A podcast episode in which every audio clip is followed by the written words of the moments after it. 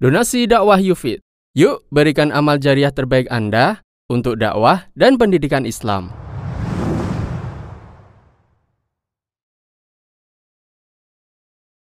Bismillahirrahmanirrahim. Assalamualaikum warahmatullahi wabarakatuh. Alhamdulillahi. Wabihi nasta'inu على أمر الدنيا والدين وصلى الله على نبينا وسيدنا محمد وعلى آله وصحبه أجمعين أما بعد Kita panjatkan puja dan puji syukur kehadirat Allah Subhanahu wa taala. Pada kesempatan malam yang berbahagia kali ini kita masih kembali diberi kekuatan, kesehatan, hidayah serta taufik dari Allah Jalla wa Ala. Sehingga pada tanggal 13 Jumadal Ula 1440 Hijriah atau yang bertepatan dengan tanggal 18 Januari 2019 kita masih kembali diberi kekuatan kesehatan, hidayah serta taufik dari Allah Jalla wa Ala bisa menghadiri kajian rutin untuk membahas adab dan akhlak di dalam Islam di Masjid Jenderal Besar Sudirman di kota Purwokerto ini. Kita berharap semoga Allah Subhanahu wa taala berkenan untuk melimpahkan kepada kita semuanya ilmu yang bermanfaat sehingga bisa kita amalkan sebagai bekal untuk menghadap kepada Allah Jalla wa Ala. Amin. Salam dan salam semoga senantiasa tercurahkan kepada junjungan kita Nabi besar Muhammad sallallahu alaihi wasallam kepada keluarganya, sahabatnya dan umatnya yang setia mengikuti tuntunannya hingga di akhir nanti. Para hadirin dan hadirat sekalian yang kami hormati dan juga segenap pendengar serta pemirsa yang mudah-mudahan senantiasa dirahmati oleh Allah Azza wa Jal. Pada pertemuan yang lalu kita telah mengawali pembahasan tentang hadis nomor berapa? 29 yang dibawakan oleh Imam Ibn Hajar Al-Asqalani dalam kitab beliau Bulughul Maram Kitabul Jami' yaitu hadis yang berbunyi wa an Abi Mas'ud radhiyallahu anhu qal dari seorang sahabat Nabi sallallahu alaihi wasallam yang biasa dikenal dengan Abu Mas'ud. Semoga Allah meridai beliau qala Rasulullah sallallahu alaihi wasallam Rasulullah sallallahu alaihi wasallam bersabda, "Man dalla ala khairin falahu mithlu ajri fa'ilihi." Barang siapa menunjukkan kebaikan kepada orang lain, maka dia akan mendapatkan pahala seperti orang yang mengamalkan kebaikan tersebut. Hadis riwayat Muslim. Pada pertemuan yang lalu kita baru sampai mana? Biografi dari sahabat yang meriwayatkan hadis ini yaitu Abu Mas'ud. Hari ini insya Allah kita akan mulai membahas tentang kandungan yang ada dalam hadis ini. Saya pikir tadi kita bisa selesaikan dalam satu pertemuan. Ternyata ketika dibaca, dikupas, ternyata nggak cukup satu pertemuan. Mungkin dua atau mungkin tiga kita lihat saja nanti. Pertama kita akan bahas asbabul wurud. Kalau dalam Al-Quran biasa distilahkan dengan asbabun nuzul. Ya. Para ulama mengistilahkan dalam hadis itu asbabul wurud. Kenapa hadis ini bisa sampai diucapkan oleh Nabi kita Muhammad sallallahu alaihi wasallam background kisahnya itu apa. Ini kita bahas dulu. Sebenarnya sempat kita singgung pada pertemuan yang lalu, cuman kita akan perjelas hari ini. Jadi kisahnya lengkapnya hadis ini kata Abu Mas'ud radhiyallahu anhu Ja'a rajulun ila Nabi sallallahu alaihi wasallam faqal Pada suatu hari ada seorang datang menemui Nabi kita Muhammad sallallahu alaihi wasallam kemudian beliau berkata Orang ini bicara sama siapa? Nabi kita Muhammad sallallahu alaihi wasallam. Inni ubdi' inni ubdi'a bi fahmilni. Wahai Rasul, Aku tidak punya tunggangan. Ini dikisahkan tunggangan untuk pergi berjihad. Jadi Nabi Shallallahu Alaihi Wasallam saat itu sedang mengumumkan akan adanya keberangkatan pasukan untuk berjihad. Perjalanan jauh butuh apa? butuh kendaraan, butuh tunggangan. Orang tersebut datang menemui Nabi Shallallahu Alaihi Wasallam dan menceritakan keadaannya. Aku nggak punya tunggangan wahai Nabi Shallallahu Alaihi Wasallam.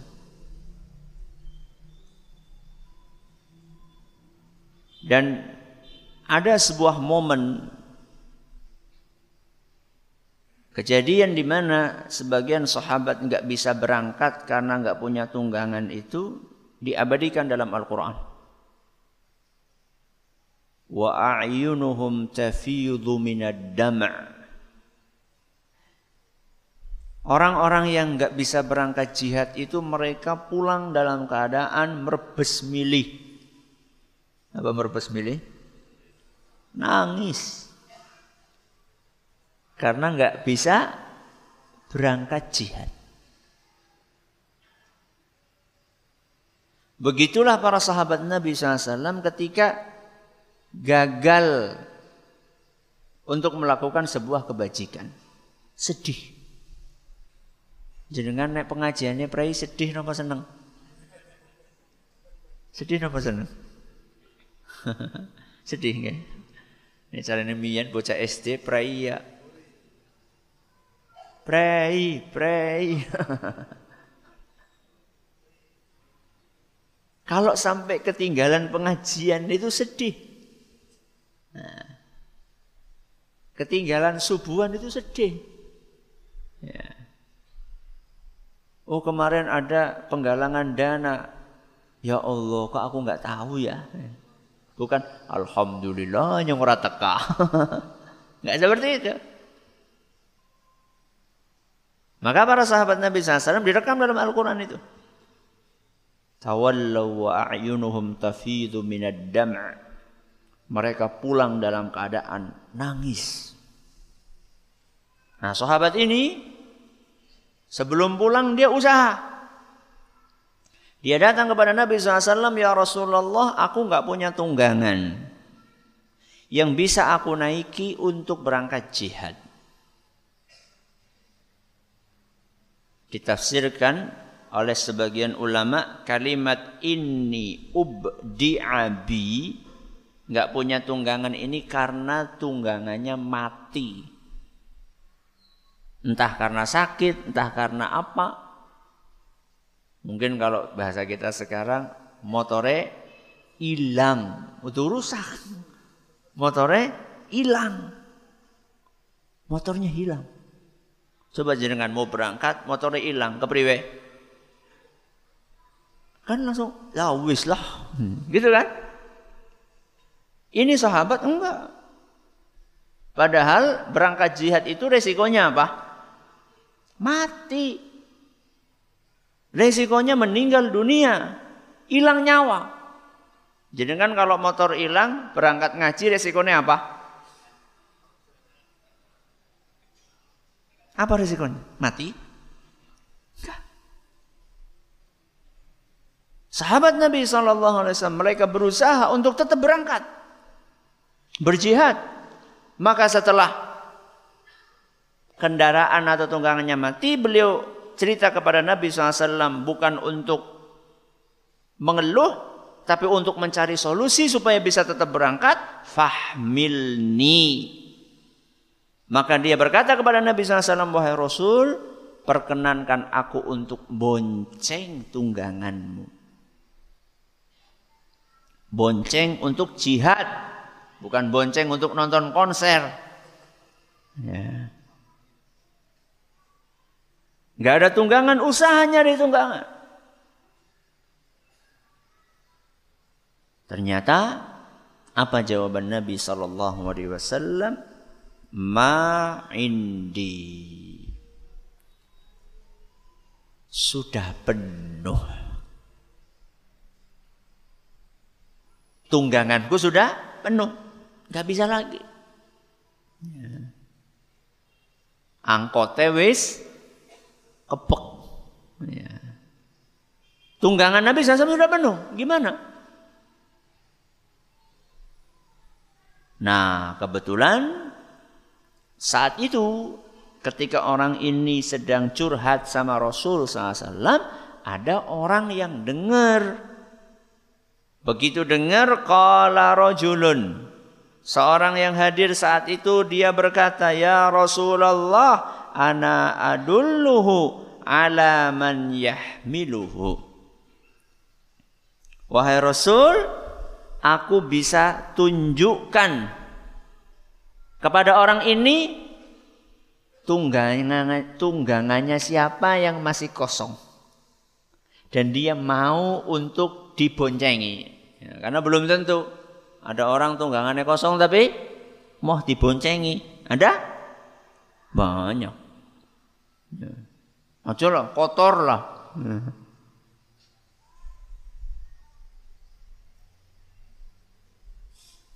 Maka orang ini berkata kepada Nabi SAW, Rasul aku tahu ada orangnya ini. Aku bisa menunjukkan kepada orang ini yang bisa diboncengi. Begitu mendengar apa yang disampaikan oleh orang tersebut, maka Nabi sallallahu alaihi wasallam pun langsung bersabda, "Man dalla ala khairin falahu mithlu ajri fa'ilihi." Barang siapa menunjukkan kebaikan kepada orang lain, maka dia akan mendapatkan pahala seperti orang yang mengamalkan kebaikan tersebut. Hadis riwayat Muslim. Berarti yang dapat pahala yang menunjukkan kayak wonge kayak bisa ditumpangi apa yang punya kendaraan lalu ditumpangi. Mana yang dapat pahala? Dua-duanya. Kur modal abab. abab apa apa istilahnya? Modal ngomong saja. Aku sih wis karo bojoku mangkat mengjensut tapi kayaknya Pak Anu kayak biasanya mangkat dewekan. Jajal mengana.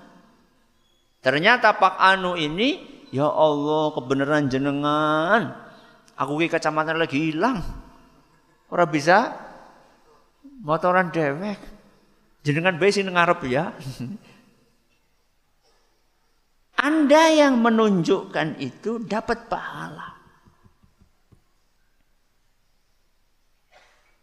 Sebanyak orang yang mengamalkannya. Inilah asbab wurudnya hadis ini. Sebab kenapa hadis ini bisa diucapkan oleh Nabi kita Muhammad sallallahu alaihi wasallam. Ini kisah bercerita tentang jihad sebenarnya. Apakah artinya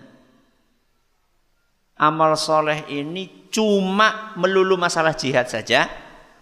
Jawabannya tidak. Karena kalau kita perhatikan, walaupun sebabnya khusus, spesifik cerita kejadian masalah nopo jihad, akan tetapi ternyata redaksi yang dipakai oleh Nabi Shallallahu Alaihi Wasallam di dalam hadis ini sifatnya umum. Barang siapa menunjukkan kebaikan, kebaikan itu umum atau tidak? Umum. Kepada orang lain, orang lain umum atau tidak? Umum. Maka dia akan mendapatkan seperti pahala orang yang mengamalkannya. Berapa orang? Umum. Bisa satu, bisa dua, bisa tiga, bisa seratus. Sehingga hadis ini begitu pendeknya akan tetapi kandungannya ternyata sangat luas. Inilah keistimewaan sabda-sabda Nabi SAW. Kalau nggak salah kita pernah sampaikan di sini bahwa Nabi kita SAW salah satu mukjizatnya adalah jawami'ul kalim. Jawami'ul kalim itu adalah kalimat-kalimat yang simpel redaksinya tapi luas maknanya. Sehingga ketika kita kupas dalam satu, dua, tiga, empat kajian itu, itu bukan karena ustadznya yang hebat, bukan. Itu karena memang hadis Nabi SAW itu kalau dijabarkan itu akan sangat luas sekali. Yang istimewa itu hadisnya, bukan ustadznya, bukan. Dari mana kita bisa menangkap keumuman yang ada di dalam hadis ini? Saya berusaha untuk menyimpulkan kita bisa kupas keumuman yang ada dalam hadis ini dari tiga sisi. Dari berapa sisi? Dari tiga sisi. Yang pertama, bagaimana? Apa? Bagaimana? Yang kedua, siapa? Dan yang ketiga, apa? Coba diulangi. Yang pertama? Bagus. Yang kedua? Ya. Yang ketiga? Apa? Malam ini kita cuma bahas bagaimana saja. Siapa dan apa kita bahas pada pertemuan berikutnya. Apa maksudnya? Bagaimana, siapa dan apa? barang siapa menunjukkan menunjukkan kebaikan. Bagaimana cara menunjukkannya? Ini poin yang pertama.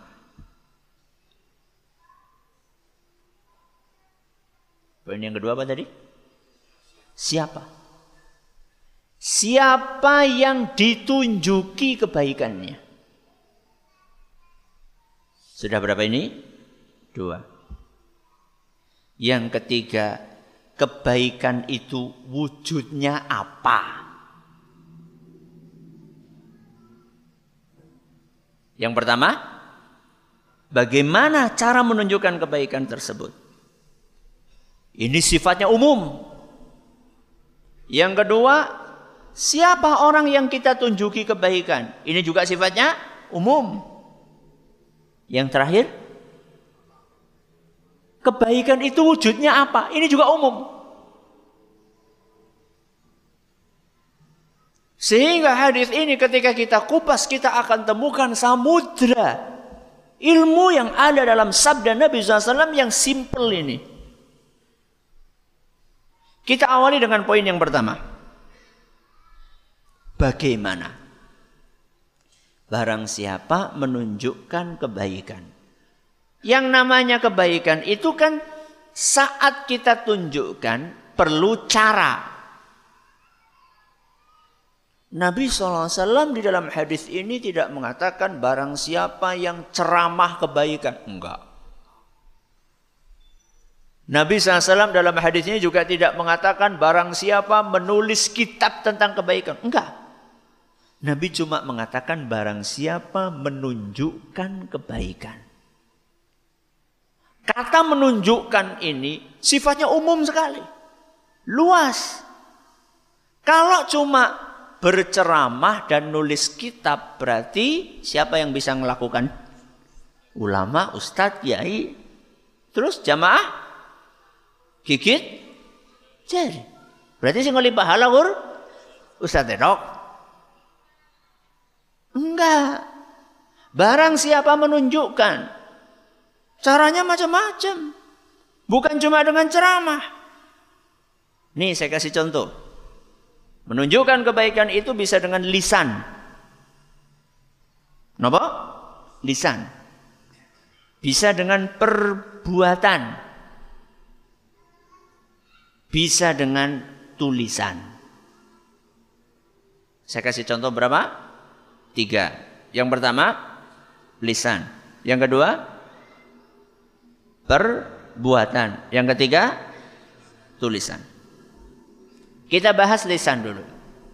Menunjukkan kebaikan dengan lisan. Contohnya nopo? Mulang ngaji. Mulang ngaji. Ngajarin anak-anak baca tulis Al-Quran. Saya tanya, itu kebaikan atau bukan? Kebaikan.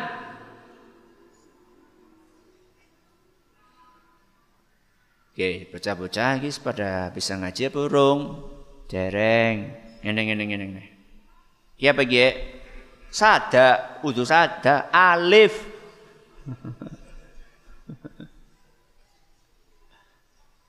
Kene kanan dure apa ki? Yu ora ngerti ki jenenge fathah. Alif fathah a. Nek nang isor jenengane kasrah. Alif kasrah i.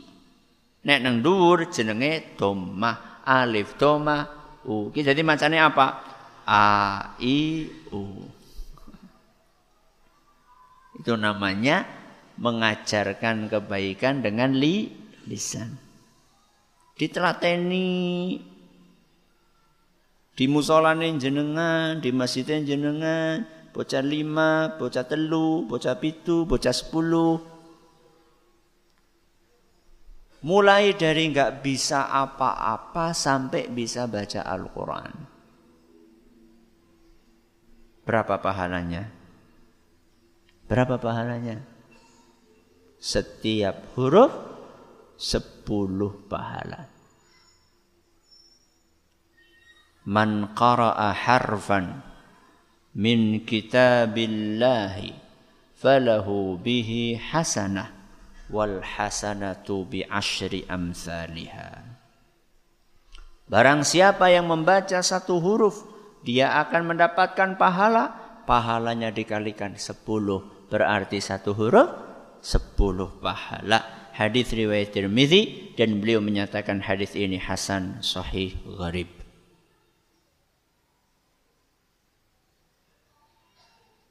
Berarti kalau membaca bismillahirrahmanirrahim pinten pahala?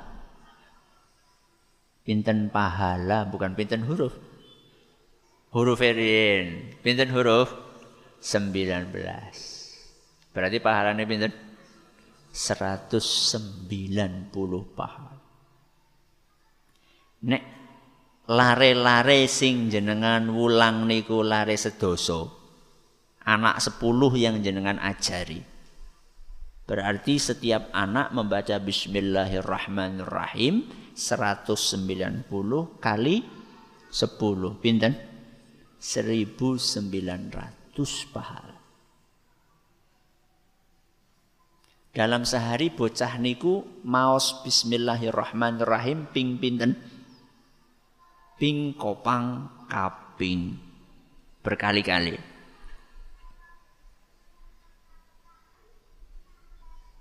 Kalau dia baca itu setiap sholat saja, setiap sholat saja, cuma dibaca dalam Al-Fatihah, berarti berapa rakaat? 17. Kali 10 anak. Pira gue? Akeh. Padahal itu kita baru ngitung bismillahirrahmanirrahim. Apakah ketika sholat dia cuma baca bismillahirrahmanirrahim? Dia baca Al-Fatihah. Alhamdulillah Alhamdulillah Rabbil Alamin berapa huruf? Ar-Rahman Rahim berapa huruf? Sampai ihdinas siratal mustaqim berapa huruf? Apakah dia cuma baca Al-Fatihah saja? Dia juga baca suratan. Berapa pundi-pundi pahala yang akan kita dapatkan?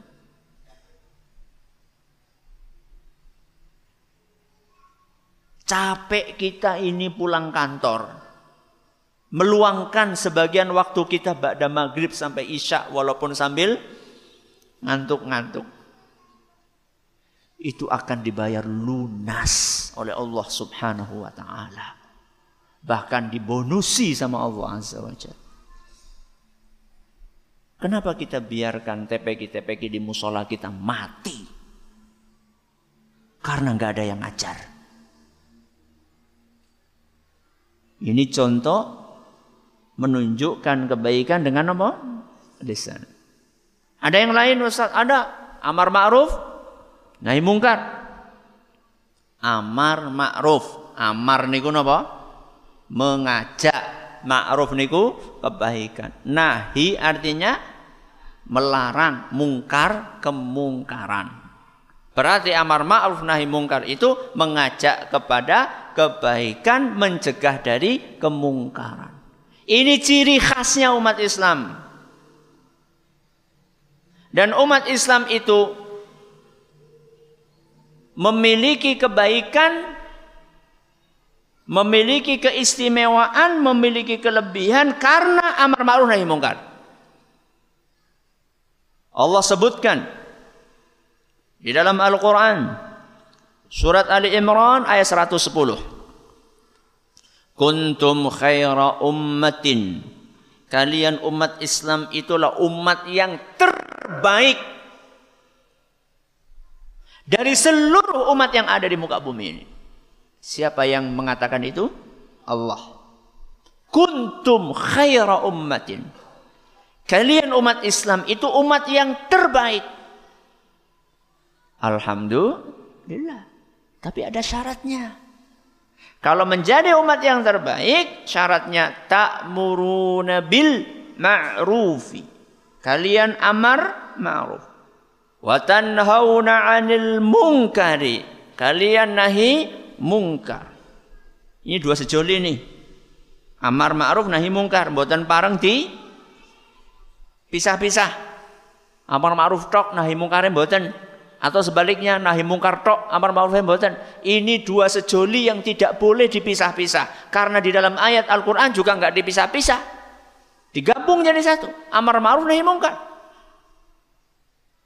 Kalian umat Islam akan menjadi umat yang terbaik dengan syarat kalian satu amar ma'ruf, dua nahi mungkar, wa tu'minuna billah. Dan kalian juga beriman kepada Allah. Ini salah satu mengajak dengan mengajak me, mengajarkan keba, kebaikan, amar ma'ruf nahi mungkar. Tapi ingat, amar ma'ruf nahi mungkar itu harus pakai etika. Tidak boleh asal-asalan. Wis sing penting maju bae tabrak mboten.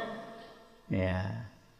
Imam Sufyan Ats-Tsauri rahimahullah Salah seorang ulama salaf beliau mengatakan la ya'muru bil ma'ruf wa 'anil munkar illa man kana fihi khisalun thalath. Tidak boleh orang amar ma'ruf nahi mungkar kecuali memenuhi tiga kriteria. Berapa? Tiga. Tadi tadi kita tiga, tiga, tiga ya. Moga-moga orang kewalik-walik ya. Tidak boleh orang amar ma'ruf nahi mungkar kecuali memenuhi tiga kriteria. Yang pertama rafiqun bima ya'muru rafiqun bima yanha. Yang pertama dia harus lembut ketika amar ma'ruf nahi mungkar. Harus lembut. Dengan cara yang baik. Berarti yang dominan lembutnya. Kalau suatu saat perlu keras, perlu tegas ya tidak apa-apa. Tapi yang dominan harus nopo kelembutannya. Yang kedua adlun bima ya'muru adlun bima yanha. Adil ketika amar ma'ruf dan ketika nahi mungkar. Gak boleh sembarangan. Menempatkan pada tempatnya amar ma'ruf sama orang Islam, sama orang kafir, sama yang sudah sama-sama ngaji, sama yang belum ngaji, yang masih awam. Beda tekniknya, caranya, sama anak-anak, sama orang tua, beda.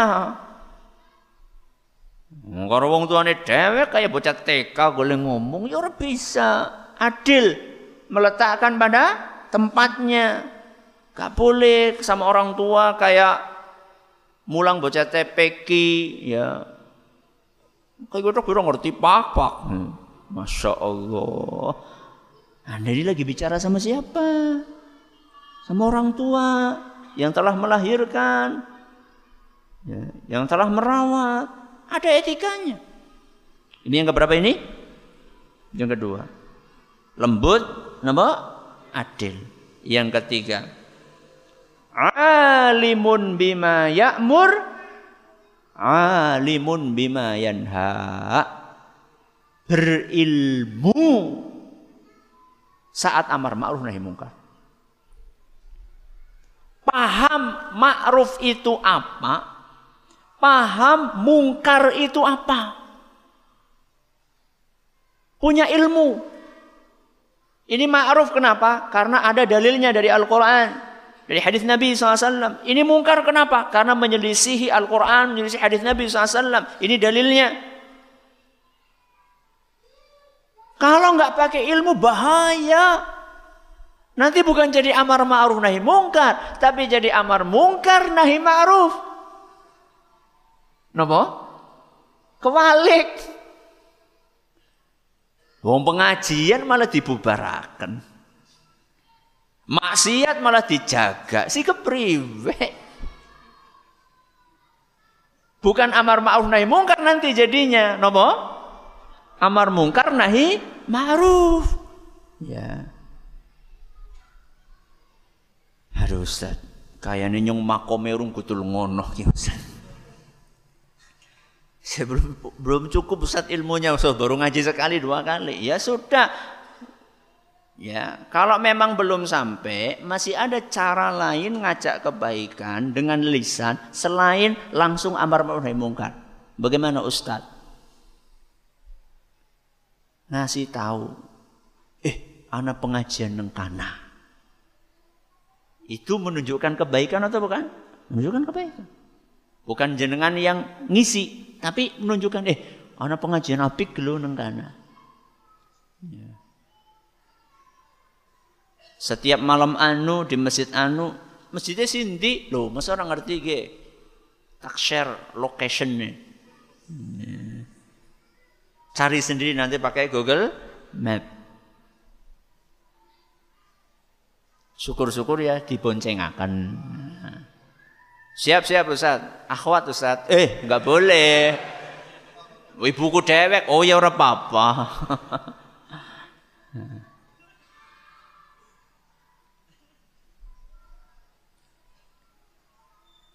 Ustaz, anu kalau ngasih tahu gelombang radio dakwah itu termasuk Ustaz? Ya termasuk. Ya, termasuk. Eh, anak radio apik lo. Apa? Ya. Gelombangnya apa? 88.8 FM. Gue siapa? Gue sini dangdut apa? Oh, gue spesial gue. Jarang radio kayak gue. Jenengan cari we ketemune sing isine beda dewek nang kono kowe. Siapa ya temenan?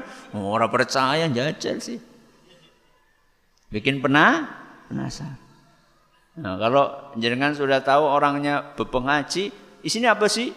Ya pengajian loh, pengajian moh. Tapi kalau jenengan kasih apa? uh, kasih stimulus, ya, kasih bikin dia penasaran. Eh, apa sih? Waspanya beda lah. Orang umum. Jajal baik. Subhanallah, jamaah yang kami hormati. Sekitar beberapa tahun yang lalu saya pernah kedatangan tamu dari Semarang. Dari Semarang. Dia sopir taksi. Sopir taksi. Dia itu datang ke Purbalingga karena ternyata selama di Semarang sambil nyopir dia itu sering dengerin pengajian. Rekaman-rekaman pengajian di sini, di Jensut, di Masjid Agung gitu. Akhirnya dia pengen untuk datang ke sini, eh, datang ke rumah, pengen ketemu cerita. Dia itu juga pertama kali dengerin radio dakwah itu ya karena ada penumpangnya yang ngasih tahu sama dia. Ketika biasa kan kalau orang di mobil kan dia perlu rungon-rungon, perlu sesuatu yang didengerin. Kalau nonton kan bahaya. Nah, maka yang paling pas di mobil ya radio. Ada orang ngasih tahu sama dia. Penumpang dia ngasih tahu sama dia. Pak, ini ada radio bagus. Kasih tahu. Subhanallah orang ini ya, memang Allah takdirkan orang ini hatinya halus lembut gitu ya. Begitu buka dengar Al-Quran, dia langsung, ih ada ya. Kok ada radio isinya bacaan Al-Quran. Selama ini kan begitu buka kan orang dangdut. Nopo? Pop, nek ora pop. Rock and roll. Kalau enggak gendingan, ini kok begitu buka Al-Quran. Selesai Al-Quran pengajian, subhanallah. Akhirnya dia simak, lama-lama dia jatuh hati dia. Akhirnya selalu dia setel. Selama dia nyopir selalu dia setel. Dan selama penumpang yang naik di taksi dia itu dengerin radio tersebut Kata beliau hampir tidak ada yang protes. Rata-rata penumpangnya ini malah, ih niku gelombang nopo. Niku radio nopo, gelombangnya pinten. Bayangkan. Butuh modal enggak? Ya cuma dia ke apa sudah ada di mobil dia, tinggal disetel saja. Jenengan punya SPBU. Punya SPBU. Daripada disetel dangdutan, orang gena. Mendingan disetel radio dakwah. Ada pengajian, orang ngisi bensin, dapat nasihat, dapat ilmu. Hmm. Naik angkot, ya daripada angkot belakang itu isinya stiker jaluk be. Pasang stiker radio. Ya. Orang jadi apa? Tertarik. Baliho, baliho, baliho pinggir jalan itu ya Allah. Kadang kita bosan. Foto kabeh. Ya. Pilih saya. Kalau pilih saya bakalan ini, ini, ini. Ya mudah-mudahan sih janjinya ditepati. Mudah-mudahan. Tapi kan coba kalau seandainya baliho-baliho itu isinya adalah nasihat. Ya. Manfaatkan perjalanan Anda dengan berzikir kepada Allah. Om, sholat om.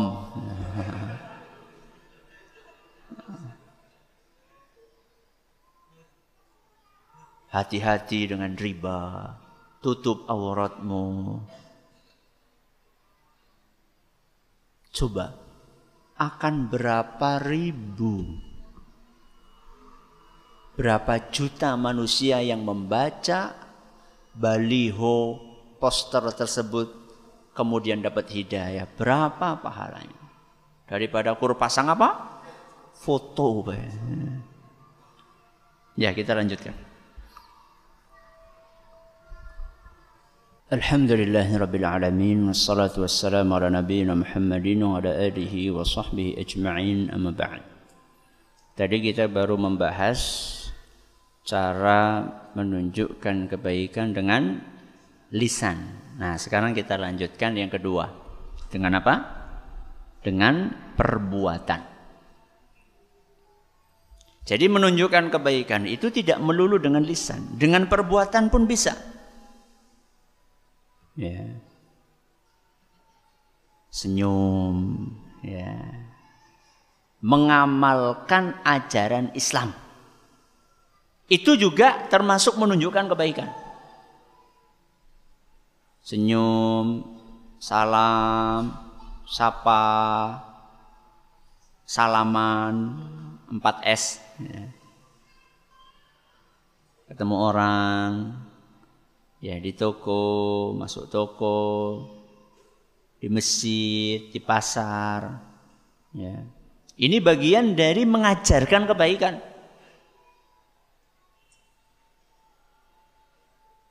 Termasuk mengajak, mengajarkan kebaikan dengan perbuatan, berbakti kepada orang tua.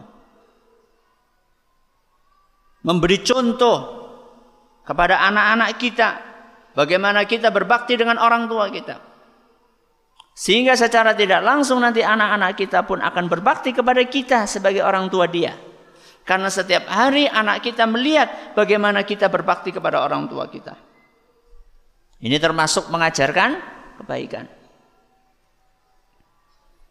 sayang kepada anak dan istri. Ini termasuk mengajarkan kebaikan. Tetangga kita melihat, oh Masya Allah Pak Anu setelah ngaji, tambah lembut dengan anaknya, tambah lembut dengan istrinya. Akhirnya tetangga pun akan mencontoh hal tersebut. Manusia kan punya tabiat suka nopo? Nyontoh. Suka meniru. Berdakwah, mengajarkan kebaikan dengan praktek perbuatan jujur di kantor. Punya dedikasi yang tinggi dalam bekerja di kantor. Itu termasuk mengajarkan kebaikan. Sehingga akan membawa kejujuran dan dedikasi yang tinggi itu ke kantor. Semuanya akan terbawa. Bukan malah kita yang terbawa, arus, jujur, acur. Ya. Justru kita yang membawa warna baru jujur ora, acur, ora jujur, acur. Ya. Kita membawa suasana baru kejujuran di kantor kita. Itu termasuk mengajarkan kebaikan. Berbagi makanan kepada orang lain rutin dengan tetangga kita, dengan orang-orang yang tidak mampu. Dulu jarang sekali hari Jumat orang bagi-bagi makanan. Sekarang Masya Allah. Begitu ada yang menghidupkan, yang lainnya ikut-ikutan dalam kebaikan. Rutin sholat berjamaah di masjid. Walaupun awalnya cuma kesebelasan. Anda sebagai imam, anak sebagai makmum.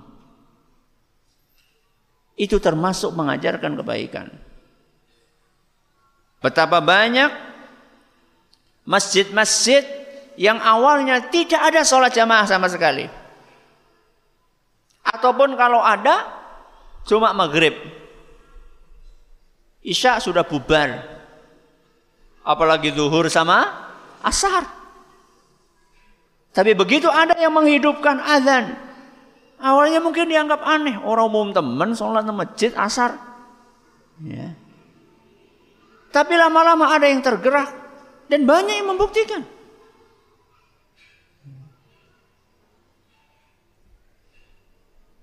Awalnya cuma dua, lama-lama sepuluh, dua puluh, tiga puluh, berkembang. Ya. Seandainya para ahli maksiat mereka semangat untuk menularkan maksiat mereka. Kenapa? Orang-orang yang sudah tahu kebaikan mereka tidak bersemangat untuk menularkan kebaikan. Kalau seandainya maksiat itu banyak pionirnya. Pionir nomo Maksiat. Kenapa kebaikan orang-orang tidak mau menjadi pionir-pionirnya?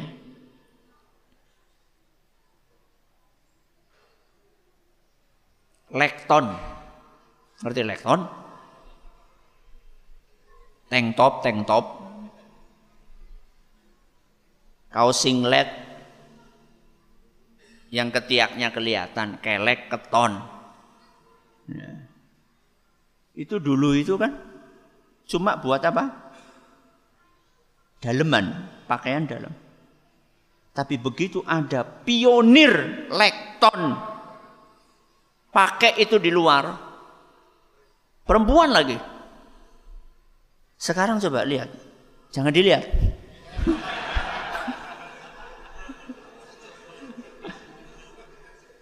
Betapa banyak wanita-wanita yang tidak malu pakai tank top di luar. Katok pendek, hot pen. Mana ada dahulu orang keluar perempuan pakai celana pendek. Tapi begitu Anda yang mengawali jadi pionir hot pen, sekarang betapa banyak wanita-wanita yang tanpa malu bahkan bangga pakai celana pendek keluar rumah. Kalau mereka pede dengan ketelanjangannya, kenapa kita tidak pede dengan pakaian yang menutup aurat? Bukankah telanjang atau pakaian yang minim itu simbol keterbelakangan?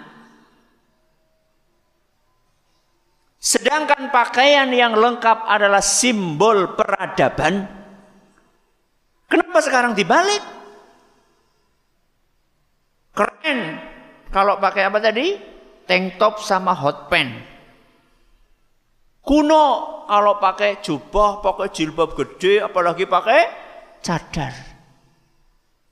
Jadilah pionir-pionir kebaikan. Yeah. Apa Ustadz buktinya kalau telanjang itu adalah simbol keterbelakangan? Ya contohnya manusia-manusia purbakala. Ya. Mekanthropus. Ya. Terus apa lagi? Pithecanthropus. Coba lihat gambarnya. Anak sing nganggo jilbab Nuwun sewu. Pol-pole segitiga pengaman. Itu pol sudah. Itulah zaman purbakala. Kenapa sekarang simbol atau kebiasaan orang purbakala kemudian dibalik menjadi simbol kemodernan? Iya. Kita harus rubah dong. Bangga, pede dengan pakaian yang menutup aurat. Ya.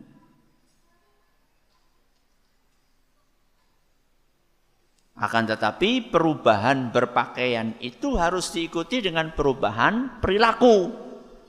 Jangan sampai sudah jilbabnya gede ngomongnya sih nyelekit. Ya ora cocok. Oh berarti ngesuk ganti baju Ustaz. Ya bukan, bukan ganti baju, ganti perilaku. Ya. Jadi harus diiringi, jangan sampai timpang perubahan penampilan harus diiringi dengan perubahan perilaku dan tutur kata. Ini dengan perbuatan. Lisan perbuatan terakhir apa tadi? Tulisan. Dengan tulisan bagaimana Ustadz? Nulis kitab. Wah Masya Allah. Contohnya Imam Nawawi rahimahullah. Berapa usia beliau? 45 tahun. Berapa usia beliau? Tapi lihat karya yang beliau tinggalkan buat kita. Salah satu buku kecil beliau menjadi bestseller internasional. Apa itu? Arba'in Nawawi. Arba'in Nawawi. Kecil bukunya. Segini bukunya. Cuma tipis gitu. Isinya 40 sekian hadis. Jadi bestseller. Dunia. Ya. Padahal usia beliau cuma berapa? 45 tahun. Apakah cuma itu karya tulis beliau? Oh banyak. Buku yang hampir setiap masjid ada. Riyadus Salihin. Itu karya beliau. Dari ujung dunia timur sampai barat. Ada buku Riyadus Salihin. Coba. Berapa pahala yang didapatkan sama Imam Nawawi? Buku yang sekarang kita kaji di dalam pengajian ini. Apa itu? Bulughul Maram. Karya siapa? Imam Ibnu Hajar al-Asqalani. Wafat pada tahun 852. Sampai sekarang insya Allah beliau dapat pahalanya. Ustaz, aku yang ngarang buku rung bisa. Ya, kalau Anda pengen dengan tulisan, sesuaikan dengan kadar. Ya share artikel. Tapi sebelum di share dibaca dulu. Share, share, share, share. Berarti waca. Baca dulu. Bener apa enggak? Jangan-jangan keliru. Ya. Atau yang punya keahlian desain, bikin poster, pesan-pesan nasihat yang bagus penampilannya, share.